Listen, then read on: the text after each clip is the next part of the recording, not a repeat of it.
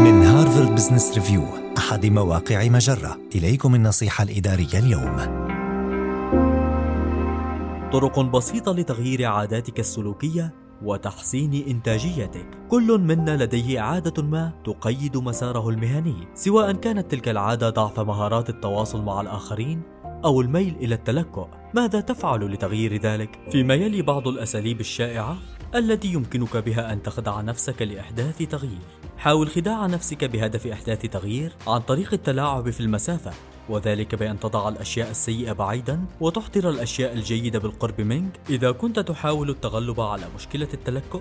فلا تجلس في الأماكن حيثما توجد مشتتات مغرية. حاول قضاء وقت أقل مع الأشخاص الذين يرسخون فيك العادات السيئة وقضاء المزيد من الوقت مع الأشخاص الذين يدعمون السلوكيات الجيدة. حدد جدولا زمنيا لحياتك المهنية. فمن المرجح بدرجة كبيرة أن تقضي هذا الوقت في شيء مهم بالفعل إذا حولته إلى خطة افتراضية. عندما تحاول تغيير سلوكك لا تسعى إلى إجبار نفسك على التغيير بل درب نفسك عليه. وذلك من خلال خلق فرص للممارسة المنتظمة بهدف رفع كفاءتك.